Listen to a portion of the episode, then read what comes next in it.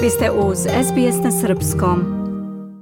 U ponedeljak je na Fakultetu za strane jezike Alfa BK Univerzitetu u Beogradu održan okrugli sto povodom obeležavanja 135 godina od rođenja i 100 godina od smrti novozelandske književnice Catherine Mansfield. Osam profesora učestvovalo je na ovom okruglom stolu, a među njima i Nataša Kampmark, profesorka iz Melburna. Tokom života novozelandska književnica postala je veoma cenjena zbog izvrsnih kratkih priča kojima je snažno uticala na razvoj novozelandskih modernih pisaca. Prema podatku iz 1996. godine prevedena je na više od 20 jezika. Cilj ovog skupa, kako je rečeno, je da prevaziđe svojevrsno prazno polje u sagledavanju dela ove autorke u jugoslovenskoj i postjugoslovenskoj kulturi.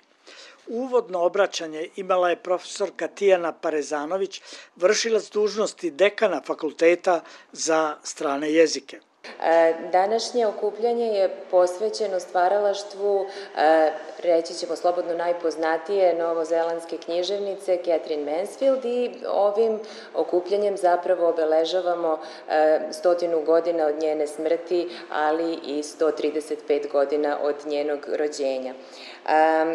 Inače su ovakvi skupovi nešto poput tradicije na Fakultetu za strane jezike.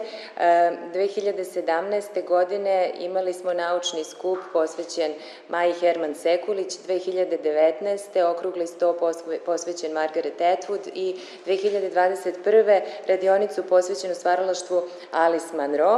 Tako da se ovaj današnji okrugli sto upisuje u niz događaja posvećenih kvalitetnim književnicama i njihovom stvaralaštvu i e, tokom narednih narednih e, sat i po poslušat ćemo osam kratkih obraćanja posvećenih e, različitim aspektima stvaralaštva Catherine Mansfield. E, rad okruglog stola će otvoriti koleginica profesorka Svetlana Tomić, koja je književna teoretičarka, istoričarka i kritičarka, pesnikinja, redovna profesorka na Fakultetu za strane jezike.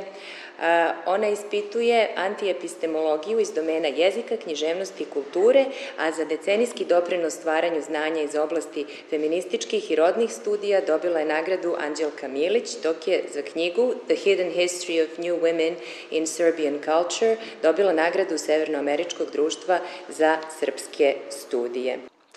Profesorka Svetlana Tomić sa Fakulteta za strane jezike Alfa BK Univerziteta prva je predstavila svoj rad pod naslovom Prilog proučavanju jugoslovenske i postjugoslovenske recepcije Catherine Mansfield. Moj rad predstavlja pokušaj rekonstruisanja recepcije Catherine Mansfield u jugoslovenskoj i postjugoslovenskoj kulturi, Prema proučenoj građi, ovo je jedan od prvih radova koji se sistematski bavi ispitivanjem recepcije ove novozelandske autorke u južnoslovenskom prostoru. O njoj se dakle upisalo u Kraljevini Jugoslaviji 20. i 30. godina 20. veka i to u srpskoj, hrvatskoj i slovenačkoj periodici, U nekim slučajevima reč je o uglednim intelektualcima poput Isidore Sekulić i Tinu Ujeviću. Primetila sam da e, studijama o periodici s početka 20. veka nedostaju podaci o prevodima i o esističkim tekstovima, Premda su urađene bibliografije o recepciji engleske književnosti do drugog svetskog rata i to u srpskoj i hrvatskoj periodici, zapaža se odsustvo pregleda ženskih časopisa koji su inače imali važnu ulogu čuvanja informacija o prošlosti ženske kulture i afirmisanju kreativnih potencijala žena. Neka dalje istraživanja mogu da idu u pravcu proučavanja ženskih jugoslovenskih časopisa kako bi se uspostavila iscrpnija bibliografija recepcije Catherine Mansfield u periodici.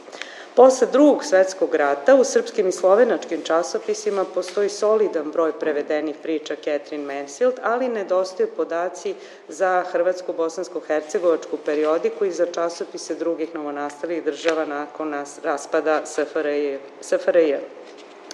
Prve knjige prevoda tiču se pripovednog stvaralaštva Catherine Mansfield, što će kasnije takođe biti slučaj. Nađen je samo jedan rad o poeziji i prevodu nekolicine pesama Catherine Mansfield i to je rad naše profesorke Tijene Parezanović iz 2017.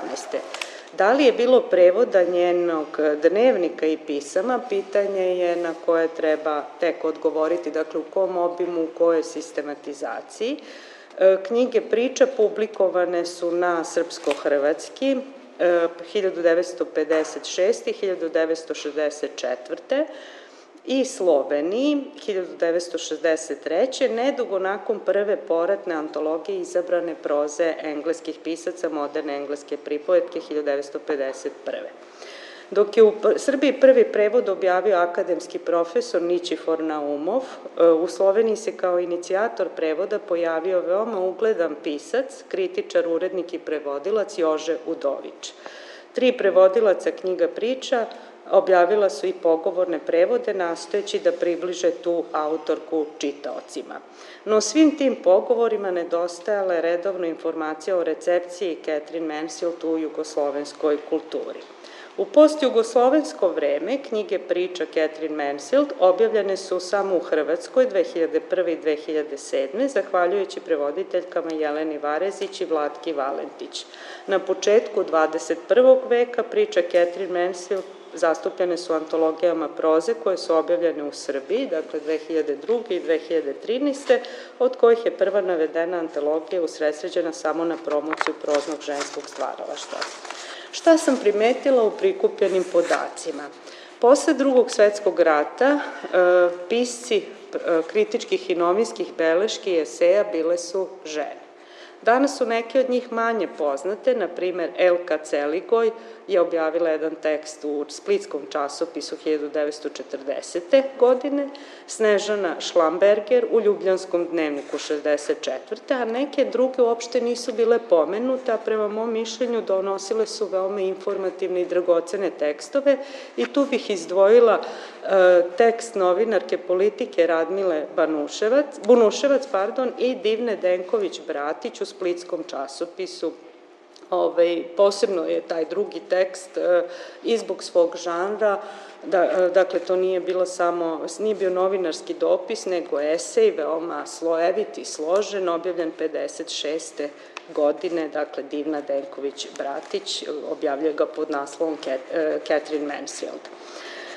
E, prikupljeni podaci pomažu da se potpunije razume evropska recepcija Catherine Mansfield u okviru koje su jugoslovenski i postjugoslovenski prevodi, čitanje i tumačenja autorke proširili sliku o slovenskom transferu novozelandske književnosti. Dok nedostaje istraživanja kojima bi se stekla jasna slika o detaljnoj recepciji njenih dela pre drugog svetskog rata, sigurno ih je bilo, Za period posle drugog svetskog rata može se reći da označava vreme kada se interesovanje za ovu novozelandsku autorku u jugoslovenskoj i postjugoslovenskoj kulturi odvijelo kontinuirano bez nekih većih pauza. Naročito intenziviran broj tekstova o njoj posle drugog svetskog rata kada među jugoslovenskim intelektualcima poznavanje engleskog jezika više nije bila redkost. Dalje treba tragati o tekstovima prijema prvih knjiga prevoda u Srbiji. Takođe bi od značaja bilo istražiti hronologiju i intenzitet jugoslovenskog i postjugoslovenskog akademskog interesovanja za delo ove novozelandske autorke. Da li je i kada, u kom trenu, e, u kojoj istoriji engleske književnosti objavljene na ovom e, terenu, e, dakle ona ušla kao oficijalna autorka, da li je bilo posvećeno zasepnih master radova. Imamo podatak za jedan doktorski rad iz 2011. koji je odbranjen na e, Filozofskom fakultetu u Novom Sadu, ali nije bio posvećen u celini Catherine Mansfield, nego grupi autorki. Tako da su to neka pitanja koja bi dalje moglo da se proučavaju, a svakako e, važan je ovaj prvi podstrek, dakle i Borivoje Nedić i Nićifor Naumom 50. godina kada objavljuju prevode njenih dela prvi put na srpsko-hrvatski, dakle to je bio impuls akademskih profesora sa Filološkog fakulteta koji su dakle potpomogli jačanje njene, njenog prije, prijema njenih dela u, toj, u našoj kulturi. U suštini, moje istraživanje potvrđuje tezu studija recepcije da su prevodi originalnih dela ključni procesi za ostvarenje komunikacije među kulturama, Nedostaju procene kvaliteta dosadašnjih prevoda jer je samo jedan rad posvećen takvoj analizi, a dao je slovenački naučnik Andrej Podbrežnik povodom prve knjige prevedenih priča Catherine Mansfield na slovenački. Pošto u jugoslovenskom kulturnom prostoru nedostaju prevodi drugih žanrova koje je Catherine Mansfield pisala, umetnici prevođenja podstakli bi nova čitanja i tumačenja njenih dnevnika, pisama i poezije, ali i potpunije razumevanje njenog opusa. O Catherine Mansfield Kao pesnikinji govorila je profesorka Tijena Parezanović. E, tema mog doktorata je zapravo bila vezana za australijsku književnost i pre svega za poeziju. Otud i ova tema e, današnja. E, zapravo me je zainteresovalo to što se Catherine Mansfield u većini kritičkih prikaza, istorijskih prikaza čitave modernističke književnosti uvek prikazuje samo kao prozni pisac i to se najčešće jasno naglašava, verovatno zbog toga što su njene pripovetke doživele ogroman uspeh i ostavile e, značajan uticaj na buduće generacije pisaca, taj uticaj se osjeća i u 21. veku. Ali samim tim je nekako došlo do toga da poezija koju je ona pisala ostane u potpunosti e, zanemarena. Kako zanemarena? Sve vreme je Dok je pisala pripovetke, Catherine Mansfield zapravo pisala i pesme koje je povremeno objavljivala u časopisima ili su one ostajale u vidu zapisa u njenim pismima, dnevnicima i slično. E, jedan poseban problem je e, to što je često objavljivala pesme pod pseudonimima različitim. E, nakon njene smrti, njen suprug je zapravo objavio, on je sam bio John Middleton Mari, kritičar i urednik i novinar i pisac, tako da je on objavio prvu zbirku 1923. godine sa izabranim pesmama kojih je bilo sedamdesetak i sa jednim pratećim uvodnikom. Vrlo slično izdanje je ponovio sedam godina kasnije, a umeđu vremenu je u svakom broju svog časopisa Adelfi objavljivao po neku pesmu svoje preminule supruge.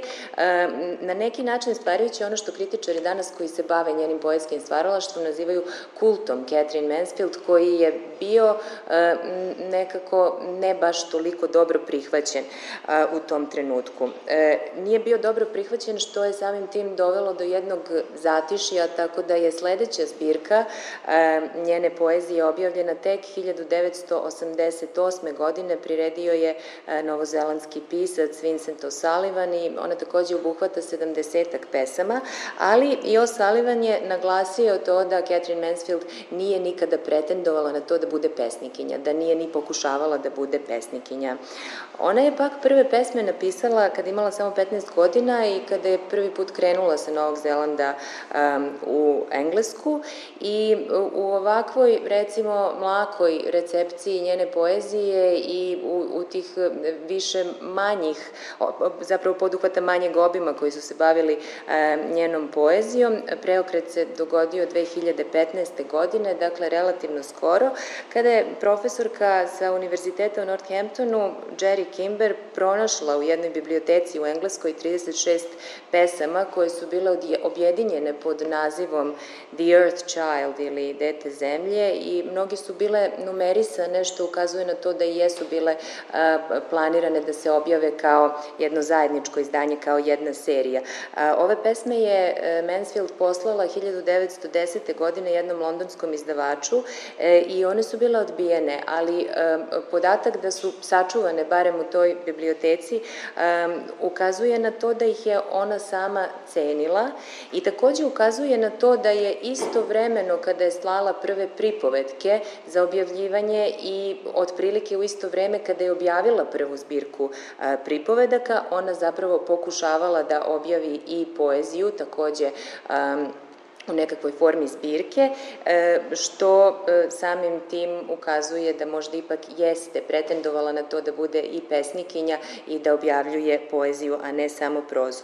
E, u svakom slučaju, ovo otkriće je bilo veoma značajno i mnogo toga što danas znamo dugujemo upravo toj profesorki Kimber koja je do njega došla. Već 2016. godine ona je sastavila do sada najobuhvatniju antologiju sa 217 pesama, izdavač je bio Univerzitet u Edimburgu e, i e, ako se e, malo osvrnemo na njihove teme, jedna od najčešćih tema jeste detinjstvo, sećanja na detinjstvo, slike dece, čak mnoge pesme imaju i elemente bajke koja takođe pripada na neki način detinjstvu. Sa tim je povezana i pesma koju je posvetila bratu nakon njegove smrti, smrti za LHB Leslija Herona Bičama, koja e, je možda jedna od njenih najantologizovanih, najčešće antologizovanih e, pesama i samim tim i najpopularnijih. E, profesorka Kimber kao glavnu nit ili temu njene poezije izdvaja liminalnost kao jedan odraz osjećaja nepripadnosti, nepripadanju niti jednom, niti drugom svetu, što se naravno vrlo lako može povezati i sa životom Catherine Mansfield, kako u smislu prostora, tako i u smislu identiteta koji se na osnovu toga e, izgrađuje. Samo da pomenemo neke pesme kao primer, ne možemo naravno sada ići detaljnije u njih, tu su Limb ili Rivals e, dolasci, koje se bave ovakvim e, osjećajem pripadanja ili liminalnosti. Naravno, kritički osvrti na poeziju su malobrojni, s obzirom na to da je ta najobuhvatnija zbirka objavljena tek pre nepunih deset godina i um, u ponekim radovima se njena poezija poredi sa proznim stvaralaštvom. Uh, u jednom članku iz 2012. godine, dakle i pre uh, ove antologije, se poezija Catherine Mansfield poredi sa poezijom Davida Herberta Lorenza, um, oni jesu bili bliski prijatelji. Uh, zatim postoje dva rada iz 2014. 15. godine u kojima se analizira upotreba pseudonima, što je bilo posebno interesantno u ovom njenom stvaralaštvu, jer eh, volela da koristi pseudonime, kritičari su to tumačili, barem u ovim radovima, kao nekakav odraz njene averzije prema autentičnosti i prema potrebi nametnutoj da bude autentična.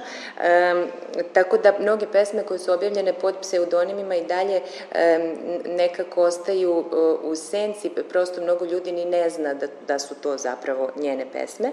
I jedan pristup poslednji koji bih volila pomenem jer je jako interesantan, interesantan, a on je iz 2020. godine um, i odražava jedan savremeni intermedijalni pristup, na primer. Um, te godine uh, se okupio jedan broj novozelandskih muzičara koji su na odabrane pesme Catherine Mansfield uh, napravili muziku, dakle uradili um, aranžmane i u svojoj nekoj interpretaciji to sve izveli. Nešto od toga se može naći na YouTube-u i u svakom slučaju je zanimljivo jer nam pokazuje da njena poezija uprkos toj marginalizovanosti i dalje živi i to na različite načine, ali svakako i dalje ostaje potreba da se e, toj poeziji pristupi sa različitih teorijskih i kritičkih stanovišta, e, jer je ipak i dalje marginalizovan i u okviru njenog stvaralaštva i u okviru druge modernističke poezije, a takođe postoji potreba i za time da se ona e, prevede na e, druge jezike.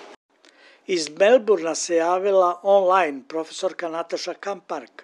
Ona je svoj rad naslovila Predeli iz detinstva u novozelandskim pričama Catherine Mansfield. Zapravo ću se tamo usredsrediti na jednu priču i to će biti priča na kojoj ću se usredsrediti na tri ključna momenta u pokušaju da tumačim priču u ključu postkolonijalne ekokritike, kao što ste čuli od Tijane. Um, ideja za ovako tumačenje prosto javila mi se na osnovu jedne rečenice iz uh, testamenta Catherine Mansfield. Um, iako je ova rečenica upotrebljena dosta metaforično, u stvari metaforično u, u ovom testamentu, um, u kontekstu britanske kolonizacije Novog Zelanda zapravo rečenica može da se tumači u smislu da odražava različit odnos e, kolonizatora i starosjedelaca prema prirodnom okruženju. A stav Catherine Mansfield ovde je dosta sličan o tom starosedilačkom odnosu prema prirodnom okruženju i to je ono što je mene navelo da uh, pogledam uh, malo detaljnije njene priče i za ovu prezentaciju izvojila sam jednu od koju bih želela, na koju bih želela da pokažem uh, kako to uh, Catherine Mansfield uh, kakav odnos prema prirodi uh, se tu očituje. Um, slično australijskim aboriđinima i Maori su kao čuvari, čuvari prirodnog okruženja ostavljali veoma malo tragova svog prisustva u prirodnoj sredini ili par onih tragova koje bi Britanci um, koji su došli na obale Novog Zelanda prepoznali kao takve u vreme uh, prvog kontakta. Tek u poslednje vreme, kako u Australiji, tako i u Novom Zelandu, doseljenici, to jest kolonizatori, počinju da cijene i da uče od starosjedelaca o tom drugačijem odnosu prema prirodi, o održivom odnosu prema okruženju i o tome zapravo da je okruženje ključ kako za zdravlje, tako i za uspjeh. Um, I to me zapravo navelo da se, napit, da se zapitam da li je ovaj stav moguće pronaći odrađen i u pričama. Uh, priča koju sam odebrala za ovu prezentaciju je jedna od uh, kraćih priča. Ovde možete videti njen uh, veoma štur, uh, kratak uh, sadržaj. Dakle, priča počinje tako što se jedna mala devojčica igra ispred kuće, dok majka u kući, uh, kao i svakog utorka, naglašava se pegla. Pored kuće nailaze uh, dvije maorkinje, i pitaju djevojčicu da li hoće da pođe sa njima, da joj pokažu neke, uh, nešto lijepo. Uh, prvo odlaze u prostoriju, punu kako se kaže u priči, drugih tamnoputih ljudi i u toj prostoriji sve je drugačije. Um, kako se ljudi oblače, kako se ljudi sede, kako jedu, međutim, djevojčica se nikad, nikad nije bila srećnija. E, zatim odlaze do obale, liminalnog prostora, opet kao što je Tijana rekla, um, u kojoj ću ja malo uh, detaljnije da, da obradim i da pogledam i to je moment uh, kada djevojčica prvi put ugleda more. Priča se završava tako što dolazi policija da djevojčicu vrati kući. Policija, policajci se opisuju kao mali ljudi u plavom i to je zapravo prvi put kada djevojčica u priči osjeća e, strah.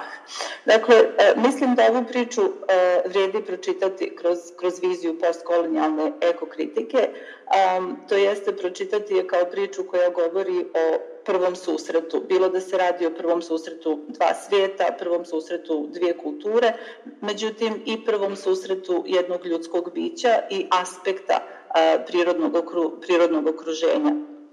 U priči e, takođe vidimo e, jedan primjer prenošenja znanja sa starosjedelaca, odnosno starije kulture, na mlađu to jest na doseljenike, odnosno kolonizatore. E, priča takođe može da se shvati kao i lekcija o tome kako se treba odnositi prema sredini i kako sredinu treba doživjeti. E, ovde prirodnu sredinu e, u prirodnu sredinu, kako je ja tumačim u ovoj priče, spadao bi i životinski i biljni svet i geografske karakteristike i prirodni elementi i prirodne sile. I upravo se jedna od njih javlja na samom uh, početku priče, ovo je uh, sa samog uh, početka, uh, gde uh, vidimo da e, se priroda javlja prvo kao drugarica za igru ili drug, ako, ka, ako posmatramo ovaj e, vetrić. Um, zatim vidimo aktivnu ulogu prirode, a za, um, aktivni glagole koje se tu koriste, a zanimljivo je uh, da iako je u pitanju jedan vjetrić, on se po, poredi sa majkom, odnosno devojčica ga posmatra kao majku i ono što vjetar radi poredite sa onim što njena majka radi kada sprema jelo. Što nama zapravo sugeriše da je ovde priroda neka vrsta učiteljice, a, e, sugeriše se posmatranje, da se posmatranjem prirode uči. I e, ta tema učenja, e, odnosno susreta sa novim e, znanjem, koja je ovde samo nagovještena, zapravo postaje izraženija kako priča teče i a, a, sam kraj priče je a, mjesto gdje je to najizraženije prisutno. Ovo je drugi moment u priči a, gdje se upravo nalazimo u tom liminal, liminalnom prostoru plaže. To je mjesto susreta dva prirodna elementa, vode i zemlje, ali je isto tako i mjesto e, prožimanja. Plaža kao liminalno mjesto je i plaža naravno e, mjesto gdje se dešava promjena ili preobražaj, mjesto prvog susreta Evropljana sa starosjedeocima i upravo zato je važno e, i upravo zato je važno mjesto kao e, mjesto gdje djevojčica uči o starosjedelačkom odnosu prema prirodi. To jeste uči da posmatra prirodu kao izvor e, ljepote, a ne kao prijetnju, e, što se vidi, nadam se, na osnovu ovih e, segmenata koje sam e, ovde e, izdvojila. Um, Ona uči o, u, o međusobnom uvažavanju prirode i ljudi, uči da priroda ima svoje mjesto, it stays in its place, um, što znači da i ljudi treba da znaju svoje mjesto i granice u odnosu, uh, u odnosu sa prirodom. I uh, treći Um, treći moment uh, koji bih izdvojila u ovoj priči jeste uh, sam kraj priče gdje se nastavljaju ove slike prožimanja, gdje vidimo kako se uh, prožima ljudsko biće i priroda, uh, the grass pushing between her toes, um, gdje vidimo kako se prirodni elementi i dalje prožimaju, u ovom slučaju to je warm sand, with brown grass in it um, i onda dolazi do prvog kontakta uh, devojčice sa morem, Okrugli sto o uvaženoj novozelandskoj književnici trajao je oko dva sata. Posle izlaganja profesora usledila su pitanja studenta Alfa BK univerziteta. Iz Beograda za SBS Hranislav Nikolić. Želite da čujete još priča poput ove? Slušajte nas na Apple Podcast, Google Podcast, Spotify ili odakle god slušate podcast.